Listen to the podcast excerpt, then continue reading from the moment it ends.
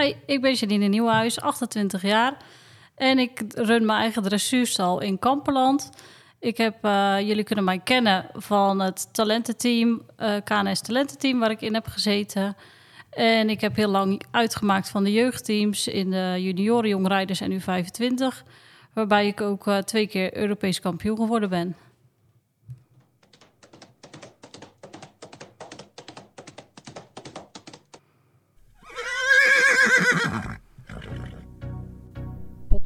De tweede hoefslag. Ja, je hoorde het al van Janine. We zitten inderdaad in Kamperland, in Zeeland. Uh, mooie omgeving hier, uh, Janine. Je, je boft maar hier.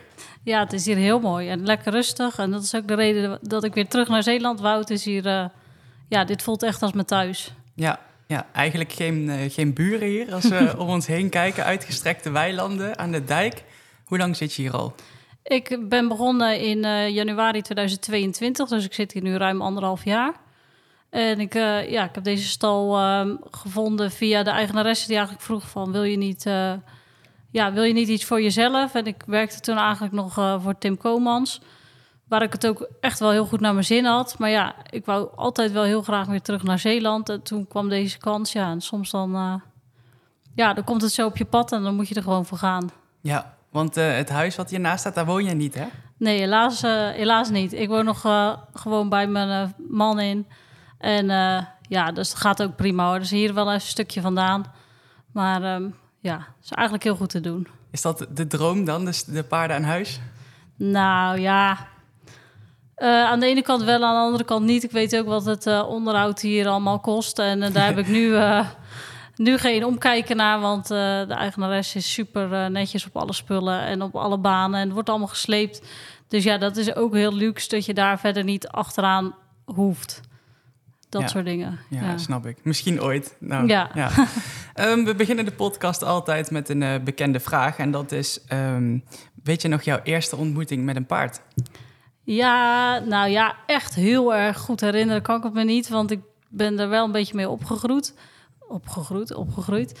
Uh, want mijn moeder die reed al paard, die, die had dat altijd als grote droom.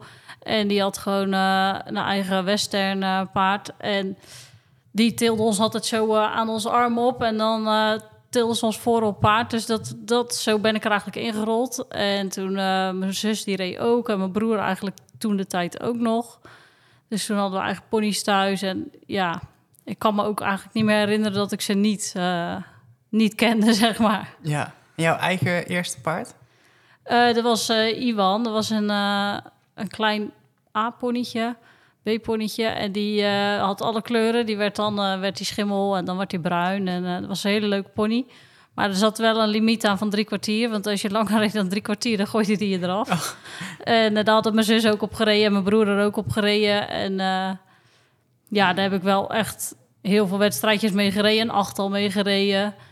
En uh, ja, heel veel van geleerd. Was zo'n leuke pony was dat. nice, nice. Je, je noemde al broer, zus. Uh, hoe ben jij uh, opgegroeid? In wat voor gezin? Uh, nou, ik heb, mijn, ik heb een oudere zus. Die heeft paard gereden. Dan heb ik een oudere broer. En ik heb een jonger zusje en een jonger broertje. Dus ik kom uit een groot gezin. En ehm, ja, dat is eigenlijk altijd super leuk geweest in alles wat we hebben gedaan. Dat we het ook altijd wel met z'n allen meemaken, zeg maar. Dat het niet... Uh, mijn ouders zijn altijd mee geweest uh, naar alle wedstrijden. En waar dat kan, uh, gaan ze nog steeds allebei mee. Mijn moeder die runt dan samen met mij dit bedrijf.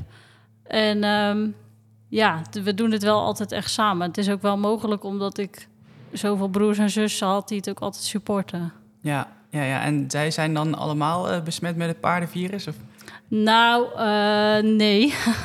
Mijn zus wel dan, die, uh, die heeft vroeger ook echt gereden en die vindt het ook hartstikke mooi. En we proberen wel natuurlijk mijn neefjes en nichtjes uh, een beetje te beïnvloeden. Dus uh, wat mijn broer, die is eigenlijk heel vroeg ook er helemaal mee gestopt, want die had niet zulke beste ervaringen met de hele, hele dressuursport. En het, dan deed hij op een clubdag en deed hij verkeerd groeten. En oh. nou, dat was allemaal maar niks voor mijn broer. Dus, uh, maar die dochtertje, die vindt het dus wel helemaal geweldig. Dus die komt heel vaak hier op stal. Dus dat is een beetje pech voor mijn broer. Want die, uh, ja, die moet het nu ook een beetje leuk vinden. Want uh, ja, mijn nichtje die vindt het wel echt heel leuk. En mijn zusje, die heb vroeger ook wel gereden bij de ponies. Die vindt het wel heel leuk en die verzorgt heel graag. Maar die vindt het rijden zelf, dat dat per se iedere dag moet en zo serieus en hard trainen. Dat vindt ze allemaal niet zo nodig. Maar het zorgen ervoor vindt ze wel heel leuk. Die gaat dan wel eens mee om te groomen. En mijn jongste broertje, die vindt, vindt beesten gewoon heel leuk. Maar die heeft nooit gereden. Dat is eigenlijk de enige die nooit, uh, nooit gereden heeft of iets. Ja, en, en jouw vader? Uh, mijn vader die heeft ook nooit gereden. Die heeft wel uh, me altijd heel erg support. En die houdt wel gewoon echt van sport en van topsport. En dat vindt hij heel mooi. Maar uh, zelf met de, echt met de paarden, ja, hij vindt het mooi dat zijn dochter het doet. Maar het is niet per se dat hij nou paarden helemaal geweldig vindt. Nee, nee, precies. Dus tante Janine ook? Ja, ja. ja, je probeert dan die kleine ook een beetje richting de paarden te duwen. Ja, 100 procent. ja. Gelukkig mijn nichtjes, die uh, kan ik nu al zo... Uh, als mijn moeder vroeger bij mij deed, dan pak ze ook aan de arm... en dan komen ze ook zo bij mij voor op zadel. Dus dat oh, vind ja. ik heel leuk. Ja, ja, ja, cool. Um, wie, zijn jouw belangrijkste leermeesters geweest? Um, nou, ik ben natuurlijk begonnen bij Tamar Zwijstra met les. Eigenlijk al toen ik acht was. Want mijn zus die leste daar, die had een hele vervelende pony. En toen zei mijn vader, je gaat nu of fatsoenlijk lessen of die pony gaat weg. En dat was best wel een goede pony, maar... Ja, mijn zus lag er gewoon in iedere hoek af, want die was wel een beetje stout. En uh, ja, hier in Zeeland, waar kom je dan terecht? Dan kom je toch uh, gauw bij Hexagon uit. En toen zijn we bij Tamar beginnen met lessen. En uh, ja, toen zei mijn moeder... joh, Tamar, mag zij dan niet uh, meerijden, die kleine? Want dan, ja... Ik had eerst heel lang in het hoekje mee zitten kijken. En toen mocht ik dus mee gaan lessen. Uiteindelijk gewoon tijdens de les van mijn zus. En daar reed ik ook een beetje in de rond te hobbelen met, me, met mijn C-pony, denk ik toen. Mm -hmm. Ja. Dus um, ja, van Tamar heb ik dan echt heel veel geleerd. Eigenlijk alle basis is er bij Hexagon wel uh, Ja, wel luxe positie denk ik toen al, dat je ja, daar dan kon lessen. Ja, 100 procent. En zo ben ik ook helemaal ingerold. Hè. In de vakanties ging ik dan helpen. En dan eerst is dat opzadelen en de weien vullen en de molen vullen. En uiteindelijk werd dat een keer losstappen en dan werd het een keer uitstappen. En toen werd het een keer losdraven. En zo is het eigenlijk altijd helemaal gegroeid. Dus ik heb daar ook uh, tot met mijn zestiende eigenlijk altijd gelopen. Vanaf mijn achtste tot mijn zestiende. In de vakantie zijn ook gewerkt. En um, ja, toen ben ik daarna naar Tim Komans gegaan. In die tijd bij Leunens heb ik dan ook uh, bij Tineke Bartels gelest. Vanuit het juniorenteam. Waar ik ook wel, ja... Dat, dat was weer een heel ander stukje wat ik daar leerde. Maar wel ook heel nuttig en wel iets wat me nog altijd heel erg bijstaat, zeg maar. En bij Tim, ja, dat, die leerde ik ook weer een ander stuk. Want bij Leuners was het echt altijd heel gefocust op naar de Grand Prix en hoe laat je zo'n paard op. En bij Tim was dat juist uh, heel belangrijk dat we Pavo Cup gingen rijden, jonge hm. paarden. En daar had ik eigenlijk nooit zo focus op gelegd. Bij, bij mij was de focus ook altijd wel uh, Grand Prix. En bij Tim werd dat veel meer ook uh, op die jonge paarden en, en, rustig opleiden en meer lossigheid. En daar heb ik ook wel ja, veel stappen gemaakt.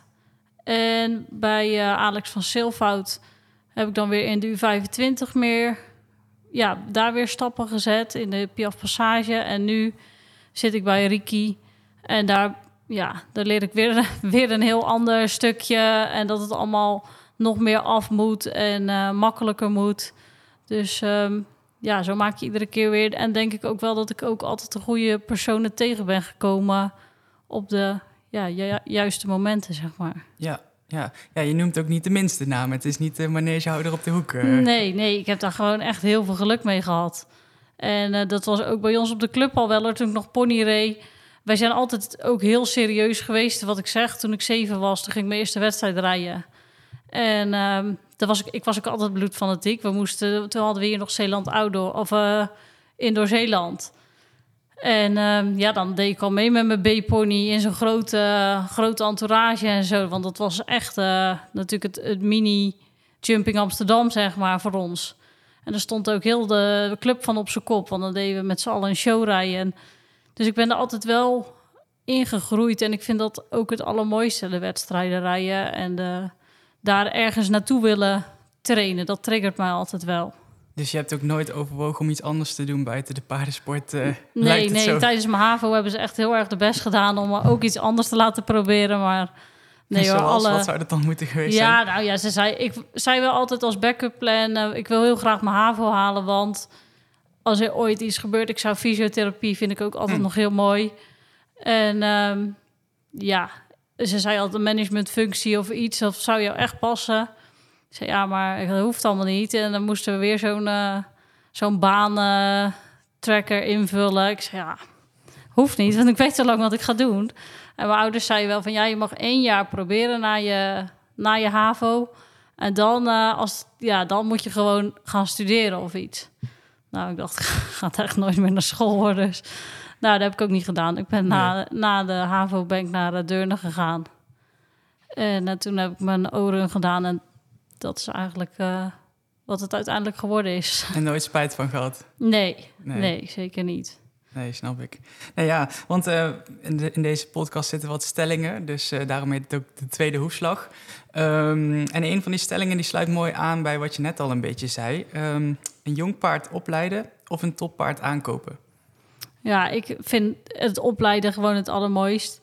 En dat, uh, dat is ook omdat mijn ouders hebben me altijd heel erg support in het meegaan naar wedstrijden en natuurlijk in de ponies. Maar als je in die paarden komt en de paarden die ik gekregen, het rijden heb gekregen van de eigenaren waarvoor ik rij, ja, die kunnen wij ook niet aankopen. Dus zit er maar één manier op en dat is het opleiden van de, van de paarden. En ook, eh, ik heb ook wel de charme leren kennen van het opleiden en dan verkopen aan een klant die hem dan wel, uh, ja, die hem dan wel gelijk op niveau kan uitbrengen. Ik vind dat wel iets heel moois om te doen. En juist die stappen. En ik denk ook dat het dan mooier wordt. Hoe, uh, hoe jong wil je ze dan het liefst hebben? Ja, kijk, dat hele, hele groene, dat uh, hoeft van mij dan ook weer niet. Ik heb het wel hoor, op stal. En ik heb nu ook een driejarige zelf aangekocht. En ja, die voelt dan safe. En dan maakt me dat ook niet uit. Dan stap ik er zo op. Maar ik vind het wel het leukst worden als ze zo vier en half, vijf, als ze dan ja, dan kunnen ze toch altijd echt een beetje grotere stappen gaan maken. Ja, dat je ook echt dan wedstrijden kan gaan rijden? Of is dat dan ook nog te vroeg in jouw ogen? Uh, nee, ik vind wel dat jonge paarden juist... Ik ben niet zo tegen de jonge paardenwedstrijden... omdat ik vind dat je, dat je ze dan op een rustige manier kennis kan laten maken met alles. Als dat je ze heel lang thuis traint... en dan in één keer word je... Ja, dan gooi je ze een soort voor de leeuwen... want ze hebben nooit iets anders gezien, ze kennen niks... Terwijl als jij zo'n paard op je gemak opleidt... en ik heb nu ook een paar jonge paarden... die neem ik dan een keer mee naar een zetwedstrijdje. We hadden hier dan uh, Jumping the Wheel. Nou, dat, daar zit ook alles wel, alle toeters en bellen aan een wedstrijd. En dan kunnen ze toch zonder al te grote druk gewoon leren wat het inhoudt. En ja, hoeven ze niet gelijk uh, op de top te presteren. Want als je in de Prix George komt en je moet dan nog ja, een paard leren hoe het is om op wedstrijd te gaan, dat is gewoon best wel moeilijk. Ja, ja, je hebt ook mensen die zeggen dan natuurlijk van ja, maar sommige paarden die worden dan, dan al tot het uiterste gedreven, terwijl ze eigenlijk nog misschien niet volgroeid zijn. Nou ja, daar ben ik het niet mee eens, want ik denk dat je er altijd zelf bij bent en dat je zelf een redelijk doel moet stellen voor dat paard. Niet, ik vind sowieso niet ieder paard is een jonge paardenproeven paard, zeg maar. Ik, ik breng heel veel van mijn paarden helemaal niet uit in de jonge paarden, omdat ik niet denk dat dat passend voor dat paard is. Mm En dan als jij gewoon, weet je, B mag ik überhaupt niet starten, alleen ook niet. En als je dan een L2-proefje rijdt, dat hoeft voor een, uh, voor een vijfjarige echt niet super zwaar te zijn. Maar dat, dat varieert per paard. En je moet daar wel per paard ook naar kijken. Ja, ja en dat doe je dus wel. Dat is heel belangrijk, uh, zeg je. Ja, ja, ja. dat is 100% belangrijk. Ieder paard is een... Ja, tuurlijk heb je een soort van trainingsschemaatje in je hoofd dat je denkt van nou, als ze zo oud zijn, dan kunnen ze ongeveer dit niveau aan. Maar ja, niet alle paarden volgen dat schema en sommige die hebben gewoon een hele andere weg nodig. En ja, dat is aan jou als ruiter om je daar uh, in te verdiepen en op ieder paard weer een ander plannetje te maken. Ja, um, andere stelling. Um, er, is, uh, er is geen of er bestaat geen once in a lifetime paard. Nou, daar ben ik dus echt mee eens. Ik heb dit eigenlijk vanuit Tim eigenlijk geleerd. Ik denk wel dat er hele goede of hele ja, paarden die iets heel speciaals voor jou betekenen. En net als TC Athene, ja, die, die gaat nooit meer uit mijn hart. En ook alle paarden die ik nu rij, kan ik niet met hem vergelijken. Gewoon, maar ik denk wel dat er altijd weer een paard zal komen. En uh, ja, dat- ik geloof daar wel in. Tim zei ook altijd, je kan zo vaak zeggen van... oh, er komt nooit meer zo'n goeie. Maar ik- hij zei, ik heb er al zoveel gehad. Ik heb altijd wel weer een nieuwe goeie gezien. Dus eh, ja, ik geloof daar ook wel in. Ja, en zelfs zo'n Totilas of zo? Ja, natuurlijk, dit is een kippenvelpaard. Maar ik denk wel dat er... En dat, die staat mij ook nog steeds als een van de allerbeste. Maar ja, ik denk toch dat er altijd wel weer een is. Ja. En zeker, eh, de fokkerij gaat ook vooruit. En dat blijft ook stappen maken. Dus eh, nee, dan denk ik, als ik nu moet, met mijn 28 al moet denken dat ik hem al eh, gehad heb... dat zou ik ook een beetje jammer vinden. Ja, ja, 28 zeg je. Dat is eigenlijk nog super jong hè, in de dressuur. En toch al een hele carrière achter je met heel wat eh, prijzen gewonnen. En daar is Athene dan heel belangrijk in geweest, hè? Ja, Athene heeft mij eh, heel veel van de successen gebracht. Ik heb eerst bij Hexagon echt wel... Hè, dan kreeg ik Hexagon Skiren. Dat was eigenlijk mijn grootste opstap. Die was al Europees kampioen geweest met Tamar. Dus ja, dat, dat was wel een heel groot ding... dat ik dat paard mocht rijden. En die was al wel wat ouder en die was blind aan één oog. Maar ja, die leerde mij wel juniorenproeven rijden. En toen kreeg ik Hexagons Baldacci op mijn pad... En die, eh, daar, daar deed ik eigenlijk mijn eerste EK's mee. Die was eh, nog maar acht jaar oud en die liep junioren. En die was gewoon niet het meest spectaculaire paard... maar die ging wel altijd voor je, was nooit bang. En die liep altijd een hele nette proef. Dat was ook, ja, toen rolde ik eigenlijk met hem start ik in januari. En in eh, die, die zomer reed ik mijn eerste EK eigenlijk voor de junioren met dat paard. Dus die heeft ook wel heel veel voor mij gedaan in de zin dat ik wel al ervaring op kon doen. Alleen het winnen, echt de, grote prijs en altijd winnen, dat kwam met, met Athena eigenlijk pas. Ja, die, die, ja, die kwam op mijn pad en eh, dat bleef maar gaan, zeg maar. Dat paard, dat, eh, dat was van zo'n ander kaliber paard als alle andere paarden die ik daarvoor gehad had. Welke prijs, welke prestatie blijf je altijd bijstaan? Eh, ik denk toch sowieso de overwinning op CHO in Aken in de Kuur. Die was heel bijzonder. Gewoon, ja, daar rijden is al een ervaring eh, op zich natuurlijk. En alles wat iedereen daarover vertelt is gewoon echt waar. Want het is echt heel bijzonder. En ehm, ja, toen wonnen we daar ook nog. Dat was heel, heel mooi. En eh, mijn eerste EK eh, in Olivanova won ik toen goud. Ja, die, die was ook de eerste keer. En heel het gezin van ons was erbij. Die hadden daar allemaal eh, een huis. en het was gewoon heel mooi weer. En mooie locatie. En het was allemaal dichtbij. En het klopte ook allemaal. Ja, en hij liep echt drie fantastische proeven. Dus ehm, die is ook heel speciaal. Heb je daar nog een, eh, voor die, eh, die prijs die je gewonnen hebt, een plekje ergens eh, geregeld? Of Ja, nou, ik heb... dat? Ja, natuurlijk. De medailles die staan sowieso bij mij in de kantine hier op stal. En we hebben een hele mooie lijst laten maken van, van foto's. Die, die hangt bij mijn ouders, heeft er een. En ik heb er ook een van mijn moeder gekregen. Die is, dus ja, Athene heeft sowieso altijd een speciaal plekje. En bij ons hangt hij dan ook heel prominent in huis Ja. Boven de kachel. Dus eh, ja. Ja. want uiteindelijk heb je eh, daar niet mee ver- verder kunnen rijden hè, met Athene. Nee, helaas is door een, eh, ja, door een routine check eigenlijk kwam er iets aan het licht over zijn hart. En dat heeft ons wel doen besluiten om niet verder te gaan in de sport. Maar hij loopt nog steeds bij een vriendinnetje van mij en die rijdt hem gewoon nog een paar keer in de week. Oh, serieus? Leuk. Ja, want hij was veel te fit om, om te stoppen en hij vindt het zo geweldig. Mijn moeder die kwam altijd als we wedstrijd hadden en als hij die dan zag, eh, zag dan, had hij al zoiets van, oh ja, nou ben ik weer belangrijk, ik ga mee. En eh, ja, dat was gewoon heel apart. Dus ik ben wel heel blij dat hij nu op een hele leuke plek staat en dat het eh, heel goed met hem gaat. Ja, z- zie jij Athene nog vaak dan? Nee, helaas zie ik hem eigenlijk niet zo vaak als dat ik zou willen. Hm. Ik ben er wel een keer geweest bij haar thuis. Maar eh, dat is voor mij ook anderhalf uur, ja, een uur en een kwartier rijden. Dus, ehm, maar ja, ik krijg wel heel vaak filmpjes dat het goed met hem gaat. En een vriendinnetje van mij, die staat er ook eh, bij op stal. Dus Ja, dat is heel leuk. nou, fijn. fijn. Ja. Ehm, andere stelling, introvert of extravert? Ik denk dat ik sowieso heel introvert ben. Ik ben helemaal niet eh, heel druk en uitgesproken. En ehm, ik denk wel dat ik dat iets meer geleerd heb sinds ik in Rotterdam gewerkt heb. Daar is iedereen toch een beetje anders als, eh, als de Zeeuwen onder elkaar. Andere mentaliteit. Ja, dat merk je ook weer als je terugkomt. Dan denk je, oh ja, dat was toch wel echt een andere mentaliteit als dat het eh, daar bij Rotterdam in de buurt is. Maar ehm, ja, en ik denk ook niet dat er een goed of fout is natuurlijk in introvert of extrovert. Nee, zeker het is niet. gewoon hoe je bent, ja. Ja, maar je zegt eh, wel vrij duidelijk introvert. Waaruit blijkt dat voor jou? Nou, bijvoorbeeld als ik gewoon op wedstrijd ben, mij zal je echt niet horen voordat ik een proef gereden heb. Ik ben daar heel terughoudend en ik ben ook helemaal niet zo van, eh, van het op stap en druk. En dat, daar deal ik ook niet zo goed mee. Als ik, hè, als ik EK reed ook, dan zei ook wel eens iemand... ja, je bent gewoon een uur voordat je eh, moet rijden, ben je gewoon weg. Ja, dan, dan ben ik een soort... dan ga ik gewoon in mijn kamer zitten, alleen. Serieus? Ja, dan- Iedere wedstrijd? ja, dat doe ik gewoon een soort het best op. Als ik dan in de drukte, dan word ik veel te druk. En dan, dan ja, dan word ik een soort helemaal wild. En dan eh rijd ik echt niet goed. Is dat een soort van routine voor jou? Ja, ja, ik heb zeker op grote wedstrijden daar met mijn moeder wel echt een routine in ge...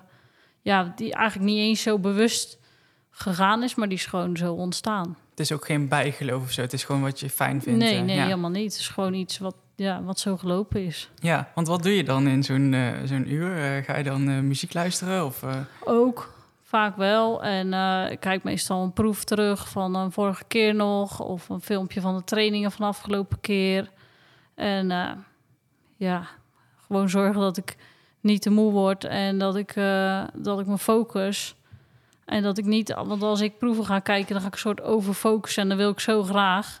En dan zegt mijn moeder ook altijd al van... eh, nee, nee, je wil helemaal niet zo graag ophouden nu. Want als ik te graag wil, dan... dan eh, ja, dan, ik wil al... Ja, ik wil altijd al, zeg maar. Dus ik moet altijd een beetje gedempt worden daarin. ja. ja, en ehm, eh, als je dan daar zo in je eigen zone bent, wie is daar dan bij het paard? Is dat dan je moeder? Ja. Die, Ja. die neemt de zorgen dan eh, op zich. Ja, dat is eigenlijk altijd hoe het, eh, hoe het gegaan is. En dat weet ik ook dat dat altijd goed komt.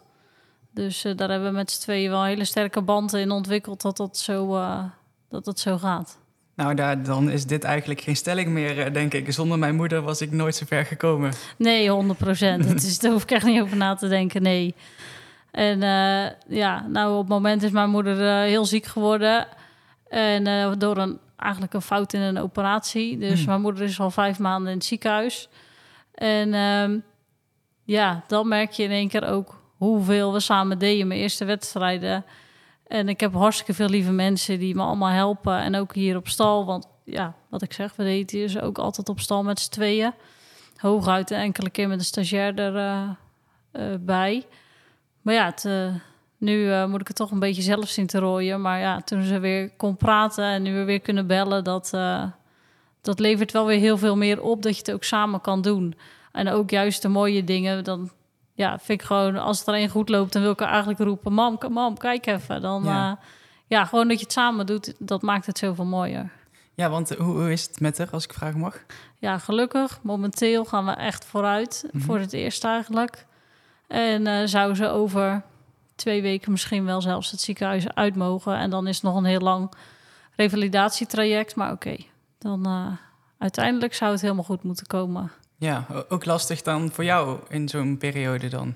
Ja, we hebben het wel eh, heel pittig gehad. En gelukkig zijn we met een groot gezin dat we allemaal elkaar eh, op kunnen vangen. En ja, gelukkig zijn we ook daar echt heel hecht in. En mijn moeder is echt een strijder, dus het komt allemaal wel goed. Ja, ja, fijn, fijn. Ehm, ben ik ook wel benieuwd, want je hebt al vaker gezegd dat eh, geloof voor jou heel belangrijk is. Eh, helpt dat dan ook in zo'n moeilijke fase? Ja, natuurlijk is het ook wel ergens moeilijk om te denken van waarom, waarom gebeurt dit?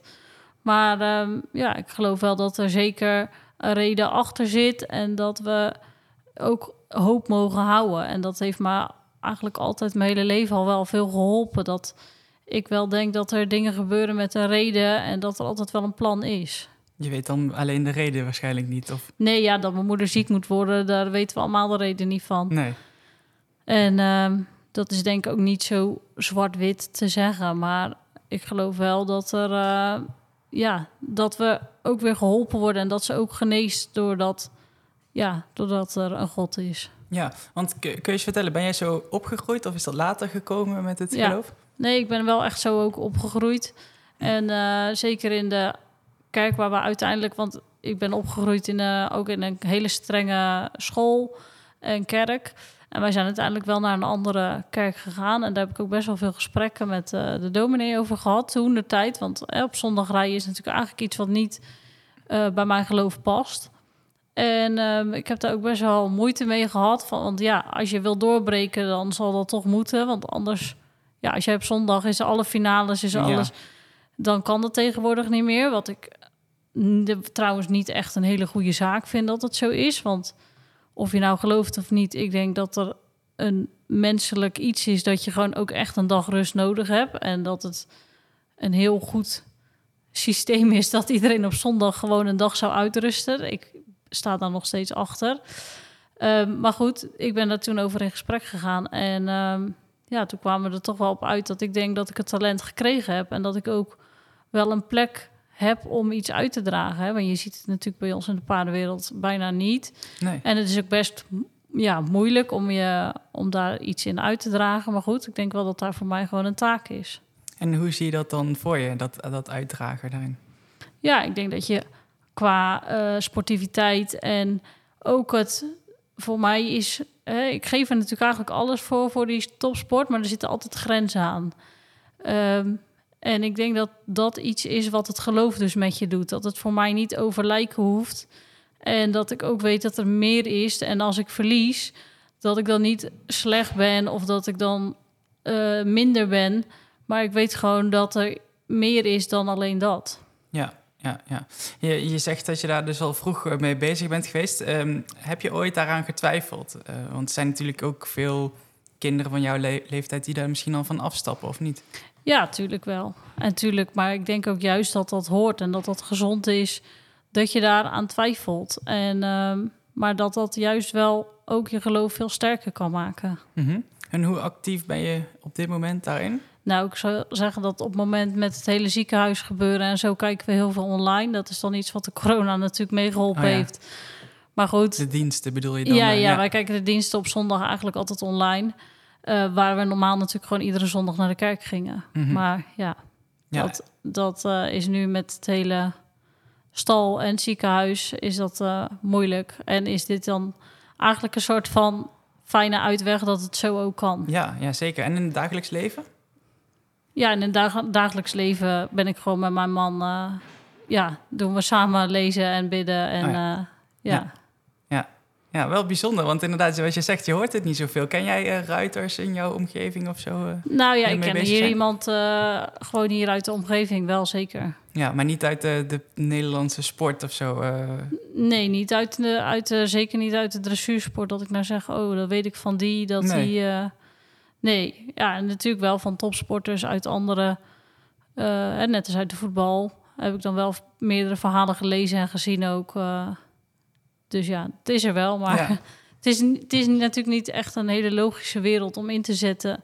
Topsport, als je gelooft. Wat is dat dan?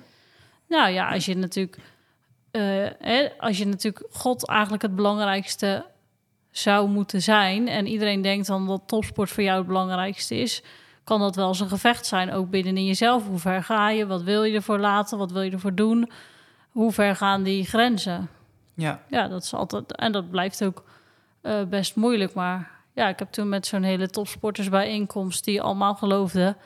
En toen zei ik van ja, ik vind het altijd makkelijker om te geloven als het slecht met me gaat. Want dan denk ik, zie je, ik kan het niet alleen. En uh, ja, ik heb dat nodig. En uh, de andere zei juist, nou, ik vind het juist veel makkelijker als ik win. Want dan denk ik, zie je, God is goed oh, ja. en hij helpt mij. En ja. Dus ja, ik vind als je daarmee in gesprek gaat met zulke, ja, eigenlijk een beetje ja, hoe moet ik het zeggen, soortgenoten. Ja. ja. maar uh, ja, ik, ik voel me daar nog steeds heel goed bij. Ja, ja, ja fijn. Ja, want ik, ik kan me voorstellen inderdaad, zeker ook in de paardensport... waar, hè, dat kunnen onder stoelen of maar geld is best wel belangrijk... Hè, met eigenaren en uh, allemaal belangen... dat dat misschien soms kan botsen, inderdaad. Ja, maar dat vind ik ook belangrijk. Waarom ik ook wel mijn eigen stal ben begonnen. Dat ik uh, er ook echt voor sta dat ik wil dat het eerlijke en rechtstreekse handel is. Want daar heb ik wel moeite mee. Dat dat soms allemaal een beetje onderling en ons kent ons en iedereen houdt een beetje de hand boven het hoofd. Het is natuurlijk best wel een heel dicht wereldje. En uh, ja, ik wil wel dat als ik een paard verkoop, dat ik me daar goed bij voel. En blijven paarden, maar wel dat ik, dat ik me daar met een gerust hart een paard kan verkopen. En ook de hele handel, dat dat gewoon clean is. En eh, dat vind ik wel heel belangrijk. Dat staat bij mij in mijn stal ook wel voorop. Ja. Ja, want dat staat inderdaad misschien nog wel los van geloof inderdaad. Maar is daar dan sowieso nog een, een weg te winnen in de paardensport? Ik denk dat de open handel, dat dat, eh, dat, dat wel heel belangrijk is. En ehm, ja, ik heb daar ook best wel vaak al, net als met Tim, eh, wel eens over gehad. Van waarom kan dat dan niet anders of kan dat niet meer open? En het gaat gewoon om hele grote bedragen vaak. Hè? En, en het is ook moeilijk. ehm, wat ik vind dat een paard waard is, dat hoeft Ja. een ander natuurlijk niet te vinden. Nee. En morgen kan hij zijn been breken. Dus het, ja, dat is ook een hele moeilijke handel. En het kost ook veel. Hè? Als je dan hier zelf mijn stal runt. En ik moet eh, mijn voer kopen. En ik moet eh, de huur betalen en zo. Ja, als je dan ziet wat een paard iedere maand gewoon domweg kost. Zonder dat ik nog werk heb gedaan. Is ook gewoon veel geld. Maar ja, het geld is nog wel in Nederland. En er zijn ook heel veel goede paarden in Nederland. Dus ehm, ja, ik denk dat daar gewoon nog steeds wel markt voor is. Maar dat de open handel wel belangrijk is daarin. Ja, ja, zeker. Want hè, wat is een paard waard? Ja, wat de gek te voor geest, zeggen ze dan. Hè? ja. Ja, ja want eh, ben je daar eh, veel mee bezig met de handel? Of focus jij echt meer op dat rijden, opleiden?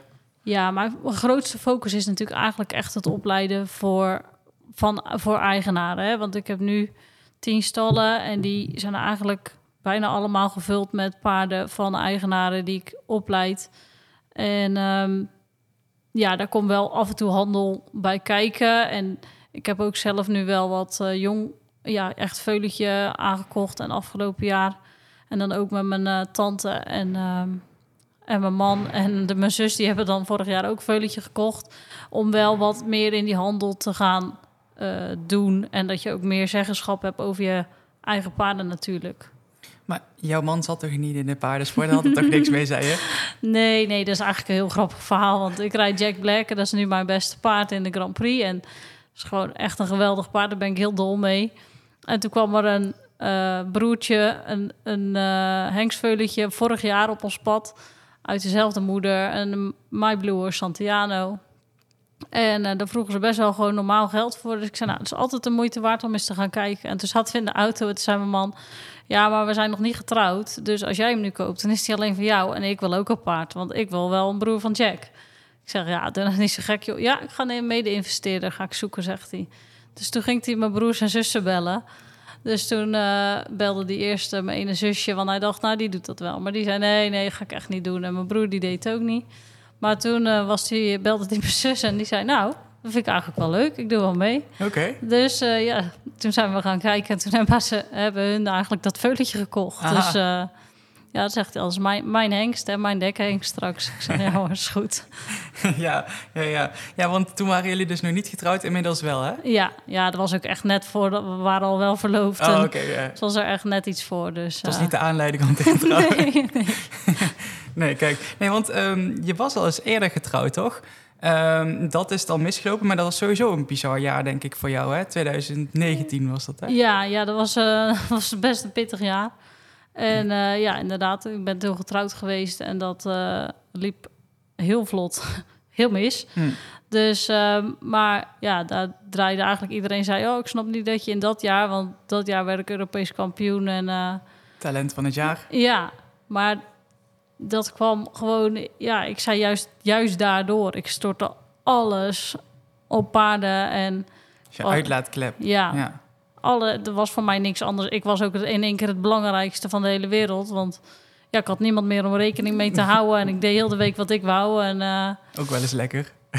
ja, het was, was best even lekker. Maar ja, toen, toen kwam het ook wel weer snel op me af. Want dan word je Europees kampioen en dan kom je thuis en dan... ik ben kampioen. Dan doe je de deur dicht en ben je wel gewoon alleen. En dat vond ik wel heel confronterend.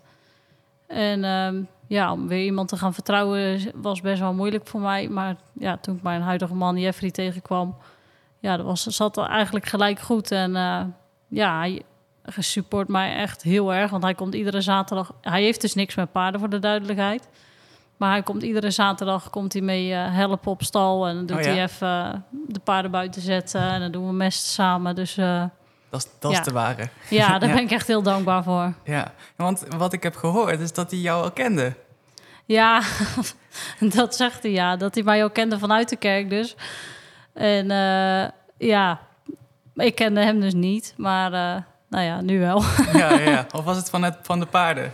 nee, nee, ja, ook wel. Want ja, daar had hij wel natuurlijk... Ja, als je in Zeeland en in dezelfde kerk... en ja, als er dan iemand wel eens in de krant stond hier zo... ja, dan kende die mij ook wel vanuit daar. Maar eh, ja, het is heel bizar en heel mooi gelopen eigenlijk. Ja, ja super fijn en nu heel gelukkig samen. Dus Ja. ja, ja mooi. Ehm, in 2018, misschien weet je nog, spraken we elkaar op Jumping Amsterdam. Toen had jij eh, eh, gewonnen met Athene volgens mij. En toen zei jij van, ehm, we gaan eh, nu gewoon op dezelfde manier verder zoals we mee bezig zijn. Ehm, maar volgens mij heb jij ook geleerd dat dat niet altijd de weg is die je moet bewandelen, toch? Hè? Gewoon op dezelfde manier verder gaan als het goed gaat. Nee, je moet ook wel. maar dat is misschien iets wat ik van Riki heel erg leer op het moment. Want ja, ik ben bij Riki terechtgekomen omdat de eigenaar van eh, twee van mijn paarden. Die had haar als trainer. eh, en die zei: Nou, zou je daar niet ook willen trainen? Ik zeg: Nou ja, eh, als je het aanbiedt, dan zou ik wel heel graag mee willen. En dan geeft Riki mijn huiswerk. En dan dacht ik zo, dat heb ik echt heel goed gedaan. En dan kwam ik en dan dacht ik zo, nu gaan we echt, nu gaat ze echt zeggen, het is echt supergoed. Nou, dan reed ik drie rondjes en zei ze, ja, is wel beter, maar nu gaan we dit en dit en dit en dit verbeteren. En dat is wel mooi aan Riki, dat ze, dat ze niet zegt van je moet gelijk naar eh, het bovenste, maar dat je iedere keer een haalbare stap aangeboden krijgt, zeg maar. En dat was natuurlijk, eh, toen ik met Baldacci reed, was ik eigenlijk, reed eigenlijk ook goed en was het ook allemaal wel. Alleen toen voelde ik gewoon een soort van dat het dat het vast zat en dat ik even niet verder kwam. En toen kwam ik bij Tim eh, uit. Ja, en daar ben ik wel... eh, heb ik weer andere stappen gemaakt. En met Athene is natuurlijk de Piaf Passage was echt de tijd heel moeilijk. En eh, dat heeft me... Ja, als je dat nu ziet, dat het me mentaal eigenlijk ook best wel een tik heeft gegeven... hoe moeilijk dat was. En dat eigenlijk de hele wereld, die wist eigenlijk wel hoe ze het op gingen lossen. Maar ja, zo simpel was het, eh, was het echt niet. En dan zijn we ook wel echt aan het zoeken geweest van wat is nou, wat gaat mij helpen? En ja, ik denk ook dat dat altijd met paarden wel weer een beetje. bela- ik vind wel belangrijk dat je niet zomaar alle kanten op springt. Want ik geloof er dus echt niet in dat als jij de ene week bij die gaat lessen en dan weer bij die en dan weer bij die. En je moet wel een bepaald idee en systeem hebben waar je zo'n paard consequent, ja, consequent in opleidt. Want voor zo'n paard wordt het anders ook een weerwar van van alles. Ja, ja. Ja, dus het is niet altijd gewoon op dezelfde weg verder gaan. Ook ogen open houden voor... eh, Ja, ja, ogen open.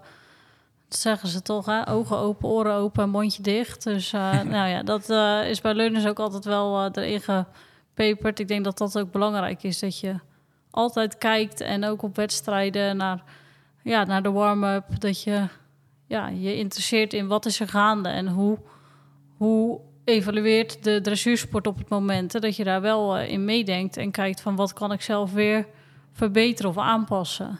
Ja, toen was het eh, nog U25. Ehm, de stelling is, de stap van U25 naar senioren is te groot. Mm, hij is wel groot. Dat eh, heb ik zeker wel ondervonden. Voor mij ook moeilijk, omdat ja, net Athene zeg maar in die tussenstap eigenlijk... eh, ja, dat dat toen net ja, stopte, zeg maar. Ehm, maar ja, je doet wel al alles in die 25 van de Grand Prix. Dat het nog wat opener, maar die proeven zijn echt niet zo simpel van de U25. Die halve volte met die passage en dan de Piaf en passage. Nou, ik weet nog dat ik met Hans-Peter er wel zei... zei, nou, dit is echt zo'n rotoefening. Ja, dat, en in de Grand Prix je zomaar een recht lijntje. Dus in die zin is het niet per se heel veel makkelijker, de U25. Maar je bent wel beschermd. Je, je start tegen je eigen leeftijdsgenoten. En ja, als je dan in de senioren komt... dan dat is nog wel weer even een andere, andere stap. Maar ja, ja, ik denk niet dat daar per se iets tussen te zetten valt. Maar wel... ehm, ik denk dat daar een kans ligt voor de KNS om je meer eh, daar nog in te begeleiden om die stap wel door te zetten. Hè, want in de, ik zat in het A-kader en dan krijg je trainingen en, en in het talententeam dan krijg je ook een budget om dat allemaal aan te passen en beter te worden. En En dan kom je in de senioren en dan is het wel gewoon van... Zo, Succes. en nu kan je weer onderaan de ladder beginnen. Ja. En eh, veel plezier. Ja. En dat is gewoon... Maar ja, het is ook niet erg. Maar dat is wel een, een moeilijke weg. En de top is gewoon... eh, Wat zou je daarin als verbetering eh, zien? Ja, ik denk dat er wel een mogelijkheid moet zijn om, de, om die ruiters die zich al bewezen hebben in de 25, want dan ben je toch eigenlijk al redelijk dichtbij, dat je die nog iets meer handvaten geeft eh, van welke wedstrijden te rijden, wat is het, waar moet je naartoe? Hè? Dat in de 25 van mij was vanaf de junioren eigenlijk altijd ieder seizoen. Je hebt die en die observaties en dan kan je nog twee keer internationaal starten. En dan is het EK. Dat was het hele seizoen. Daar hoefde ik helemaal niet over na te denken waar we naartoe gingen. En nu, eh dat vond ik heel moeilijk. Dat je gewoon in één keer denkt, ja, ik kan alles starten. Wat wil ik eigenlijk starten? Wat is, een, wat is de route die je moet gaan? En zeker omdat ik voor mezelf begon ook. Ja. ehm, heb je ook niet... Ja, je moet het in één keer allemaal zelf eh, bepalen en uitzoeken. En eh, nou ja, dan kom je er ook wel. Maar dat is, duurt alleen wat langer. En ik denk dat daar eh, wel met de 69% plus trainingen, die zijn er wel. Ehm, maar ook niet heel eh, regelmatig. En ik denk dat daar, eh, dat daar nog wel meer uit te halen is. Dat je vanuit die basis nog meer aanwas haalt en meer begeleiding biedt. Of zouden ze bijvoorbeeld op, op wedstrijden meer jeugd moeten toelaten in de, de grotere klassen, zeg maar? Nou, het internationaal starten is natuurlijk best wel moeilijk. Want je hebt gewoon A-kader mag eerst en dan B-kader. En dan eh, die in de KNU's zijn daar nu de, natuurlijk voor ontworpen om dan meer overzicht te krijgen van wie mag dan als eerste starten. Maar ja, die gewone wedstrijden kom je, als ik dan inschrijf, dan denk ik, oh ja, dan, maar daar mag ik niet starten en daar kan ik niet starten. En dat is best wel moeilijk om daar een beetje je weg in te vinden, want je moet ook ervaring opdoen. Ja. En ehm, nu vlot dat steeds beter en je moet daar ook even je weg in vinden. En met die KNU-wedstrijden, ja, ehm, maar ja, dat vind ik ook moeilijk in de dressuursport om te zien eh, hoe dat dan ontwikkelt. Want als je bij Jumping de Wil hadden wij hier zo echt een hele mooie wedstrijd met alles erop en eraan. Maar daar zijn dan acht inschrijvingen in de Grand Prix. Dat ik denk, ja, maar waarom is hier dan waarom start dan niet iedereen? Waarom hebben we dan niet een ploeg van eh 20, 25 die tegen elkaar eh, rijden? Dus ja, ik, ik weet niet precies hoe dat dan opgelost zou kunnen worden. Ja, dat probeerden ze natuurlijk wel al met die KNU, dat je het meer bundelt en dat Mhm. iedereen meer tegen elkaar rijdt. Maar ja, dat, ik vind dat dan jammer dat er op zo'n mooie wedstrijd, nationaal, wat dan niet de wereld kost, dat je dan wel je ervaring op kan doen en ja, vanuit de KNS krijg je dus wel je scores als je daar goed rijdt. Maar voor eh, deelnemers denk ik ook dat daar gewoon kansen liggen in, in dat soort wedstrijden. Ja, ja want je, je hebt natuurlijk in de, de jeugdrubrieken, de je- U25 en zo, heb je veel gewonnen, echt veel gewonnen. Ehm, nee, je lacht erbij, maar ja, het is natuurlijk super knap. Mm, Toen lag de wereld eigenlijk ehm, min of meer aan jouw voeten, om het maar eventjes misschien een beetje aan te dikken.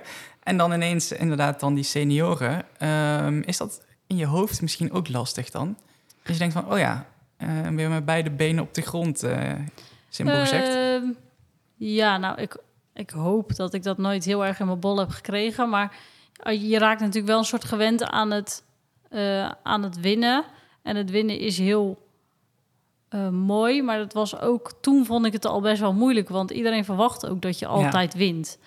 En de eerste keer winnen is, ja, is ook moeilijk. Maar minder moeilijk als blijven winnen. En dat was toen een hele serie. Heb ik met Athene echt heel veel geluk gehad. En, en viel ook iedere keer weer alles op zijn plek. Ehm, en dan om, om terug weer onderaan te beginnen. Ja, tuurlijk is het mentaal anders. Maar ik kan niet zeggen dat ik daar heel veel moeite mee heb. Want ik hou wel van het vechten en de underdog. Dat ben ik wel graag. De, ja, dat vind ik eigenlijk een soort makkelijker rijden... als dat ik denk ik ben de beste. Dus eh, Ja. ja. Hoe zie jij jouw toekomst dan in het, eh, in het eh, dressuurrijden, in het wedstrijdrijden? Nou ja, ik denk dat net als Tamar, waar ik natuurlijk vroeger was, dat altijd iedereen zei dat je bent zusje van Tamar. Hè? Dat, dat vroegen ze op stal altijd, ben jij de zusje? En ik vind het wel een heel mooi voorbeeld, want je ziet ook dat Tamar gewoon blijft knokken, blijft knokken. En nou mag ze wel het EK rijden.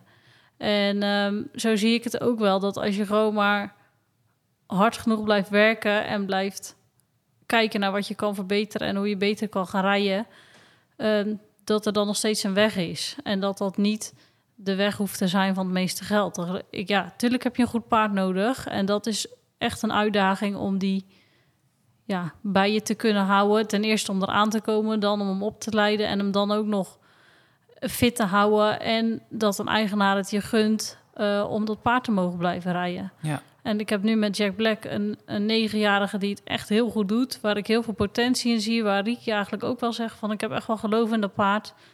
Dus ehm, ja, daar zetten we nu onze pijlen op. En voor de toekomst denk ik dat ik gewoon echt hele leuke paarden op stal heb staan.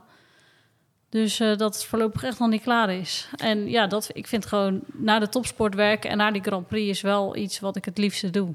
ja, want van wie is Jack Black?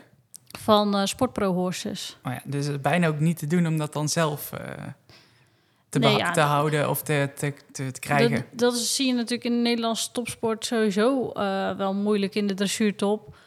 Zo'n paard, ja, die zijn dan weer zoveel geld waard. En ik kijk, als een eigenaar, dan denk ik, ja, waarom hou je hem nou niet? Maar ja, ik weet ook als ik hem zelf heb en iemand zou dan dat geld erop bieden, dat ik het zelf ook heel moeilijk zou vinden. ja, Want je weet, je je weet een hele niet. poos vooruit. Ja, en je weet niet wat de toekomst brengt. Nee. En ehm, ja, ik denk dat je toch een keer zo stoer moet zijn om er dan in aan te houden. Maar ehm, ja, dat, het is natuurlijk voor een eigenaar ook altijd spannend. En eh, het blijven paarden. Ik weet hoe gek ze kunnen doen. En eh, dat moeten ze ook af en toe mogen doen. Maar dat, dat is niet altijd eh, zonder risico's. Want kun je Jack Black eens omschrijven? Hoe, eh, Nou, die is, Jack is heel leuk, maar heel irritant in de omgang. Het is echt, ja, het is echt een hengst en die gooit je over de hele wasplaats heen en weer. En ja, die let op van alles, maar niet op jou. Maar als je hem rijdt, dan ja, werkt hij eigenlijk... Hij doet altijd gruwelijk zijn best. En het is, hij is gitzwart en hij is super knap. En hij werkt echt heel graag. En ehm, ja, hij heeft heel veel talent in die Piaf Passage. Hij stapt heel goed. En in de omgang is hij gewoon... Ja, hij is heel grappig, maar heel irritant. ja, ja. Hengst is ook nog actief Ja. in de fokkerij dan? nee, dan nee, niet? nee. Maar eh, de eigenaar wil hem heel graag hengst houden. Dus, en hij is verder ook eh, ja, prima te hanteren. Ja. En negen jaar dus, dus ook nog eigenlijk eh, een hele toekomst eh, voor zich. Ja, ik denk dat, er, eh, dat we nog lang niet aan de max zitten. En we hebben nu ook de kans gekregen om, om internationaal te rijden twee keer. En daar laat hij ook... eigenlijk alle juries zijn echt wel positief over dat paard. En dat heb je soms wel eens, hè. Dat een paard gewoon... Ja, die komt in de ring en, en dat loopt gewoon en dat, dat bevalt, zeg maar, het beeld. En ja, bij hem eh, heb ik ook voor het eerst dat ik soms de ring in rij. En eigenlijk nog zelfs anders als met Athene, maar dat ik gewoon kan denken: oh ja, ik doe eens gewoon even de helft minder. Ricky zegt altijd: jij moet niet zo met mes tussen je tanden. Je moet die, dat mes gewoon eens in de bestekla laten liggen. en dat leer ik nu wel van less is more. En ja, dan, want dan denk ik: oh, hij maakt niet genoeg spektakel. En juist als ik minder spektakel laat en het luchtiger en makkelijker, dan zie je bij Jack dat hij veel meer gaat scoren en ook veel beter tot zijn recht komt. Merk je ook dat de dressuurwereld daarin verandert van mening? Ja, tuurlijk. Dat is natuurlijk niet te missen in de hele media en, en ook in het hele rijerij. En ik denk ook dat dat goed is. En dat het ook, eh, ja, dat dat ook een hele goede ontwikkeling is. Dat het allemaal gewoon makkelijker en, en weinig druk eh, moet zijn. En dat dat ook het mooie is van het dressuursport. Als het er natuurlijk uitziet alsof het met niks gaat. Ja, meer messen in de bestekla laten. ja, ja, ja. ja. Ja, het gaat natuurlijk. Ja, je moet wel een bepaalde scherpte hebben om, om goed te zijn, ook voor jezelf. Bij mij is dat vooral mentaal. Als ik gewoon, ja, wat ik al zeg, als ik dan te graag wil en dan wil ik alles heel goed doen en dan ga ik nog meer hulp geven. Terwijl zeker Jack die denkt dan, poeh, als jij zoveel doet, dan doe ik de helft minder. Nou ja. Terwijl als ik een beetje minder doe, dan denkt hij, oh ja, maar kan dit wel? Laat mij maar even. En ja, dat, dat merk je bij Jack dus echt voor het eerst dat ik denk, oh ja, ik kan veel minder doen in een ring en ik moet ook veel minder doen. Ja. Je hebt eh, al eerder in de podcast gezegd dat je het belangrijk vindt in eh, clean eh, handel eigenlijk. Maar op jouw website zag ik ook dat je happy athlete belangrijk vindt. Hè? Wat, wat is voor jou een happy athlete? Ja, een paard dat gewoon veel uit zijn stal komt. Die gewoon kan zijn wat hij wil. Dat hij een keer kan spelen. En ook al eh, hou ik dan af en toe echt mijn hart vast. Hè, bij mij gaat Jack Black ook op de wei. En dat vind ik echt doodeng de eerste keer. Want dan denk ik, oh, als hij nou maar niet te hard gaat rennen... en als hij nou maar niet eh, net even op zijn bal trapt... of eh, weet je, er zit... Ja, je hebt zo snel iets met een paard. En je bent, dat is gewoon het in onze sport. Je bent niet alleen afhankelijk van jezelf. Je moet ook je paard fit houden. En die paarden kunnen echt af en toe heel stom doen. Maar ja, dat hoort ook bij wat ze zijn. En eh, dat ze het goede voer krijgen. En dat ze goed op tijd naar de smid gaan, naar de tandarts. Het zijn allemaal wel onderdelen. Hè? Dat, je, dat ik ze een keer mee naar buiten neem en een keer een sprongetje laat maken. Ja, dat, dat ze wel een beetje gewoon paard kunnen blijven. Vind ik wel belangrijk. Want als het gewoon van die machientjes worden, dan. Ja, dat, vind, dat, dat rijdt ook niet fijn. Zo'n paard moet wel een beetje karakter kunnen hebben. Ja. Steeds meer gespreksonderwerp natuurlijk, eh, ook uh, in de paardenwereld. Um, is daarbij social media een zegen voor de paardensport? Nou, ik vind het niet altijd, want uh, iedereen denkt ook maar dat hij gewoon kan zeggen wat hij wil op zo'n platform. En um, je kan van echt, ik ben echt van mening van iedere ruiter een slechte foto maken. Het is maar net op het moment wat je kiest. En uh, ik heb dat toen in Aken zelf ook echt meegemaakt. Dat, uh, dat iedereen dacht dat ik met Athene op een foto stond... dat hij zijn mond heel ver open had. Mm -hmm. Nou, dat leek ook zo, want het was een vos. En, uh, maar ik zei, nou ja, ik zie aan, aan bepaalde delen van het hoofd... dat het in ieder geval Athene niet is, dus dat ik het niet ben. Maar zo snel gaat het wel. Hè? Dan andere, heeft, het was gewoon een, ander, was een andere ruiter. Um, maar dan word je wel vanuit de bosjes word je zo gefotografeerd.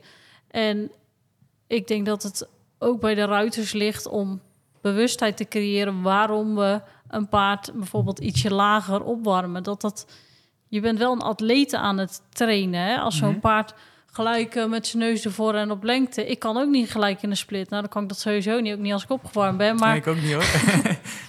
nee, maar zo is het wel. Hè? We, we trainen ze ook naar best wel aparte onderdelen. Ze moeten natuurlijk een ballerina en een bodybuilder eigenlijk uh, tegelijk zijn. Dus daar moet ook gestretched worden en dan moet ook pauzes ingebouwd worden en dan moet ook een goede warming-up aan vooraf staan. En uh, ja, ik denk dat dat soms zeker voor een buitenstaander heel moeilijk is om te begrijpen van wat, wat zijn we nou eigenlijk aan het doen en waarom doet dat paard al die trucjes en hoe, hoe leer je ze dat? Mm -hmm.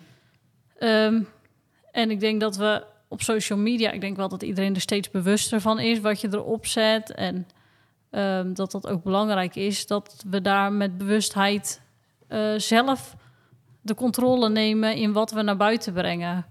En daar, uh, ja, daar ook wel positief aan meedoen, zeg maar. En dat iedereen niet het idee krijgt dat ze alleen maar uh, in bubbeltjes plastic in de stal gestopt worden.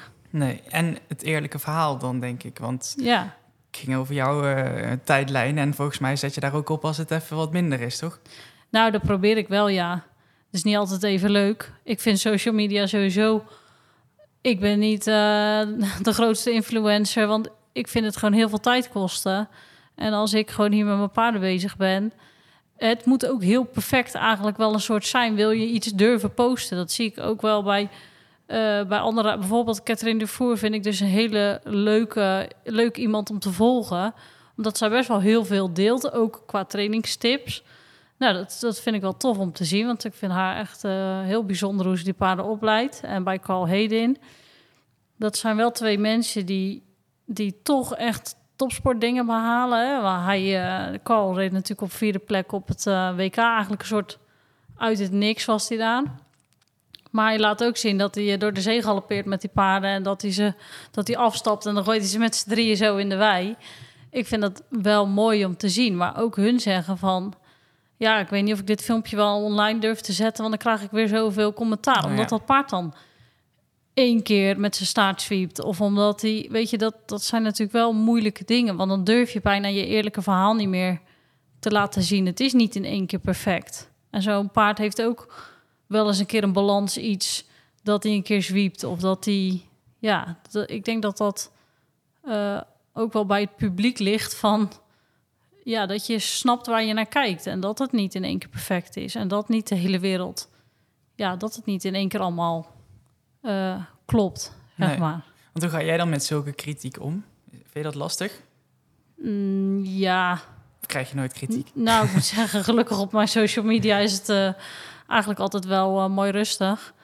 Maar ook wel omdat ik heel goed en lang nadenk voordat ik iets Ja, eh, erop zet. En dat, ja, ik zou wel wat makkelijker daarin willen zijn. Maar als ik een paard op de foto zet en ik zie dat hij zijn ene oor een soort half naar achter hebt, dan denk ik al, laat maar zitten. ja, Hè, je moet dat, dat vind ik best moeilijk aan deze tijd, dat dat er ook nog bij komt. Bij het hele, als ik gewoon hier mijn werk moet doen en de klanten eh, de filmpjes wil sturen en dat allemaal goed wil onderhouden, dan ben je gewoon echt heel erg druk en de lessen wil geven.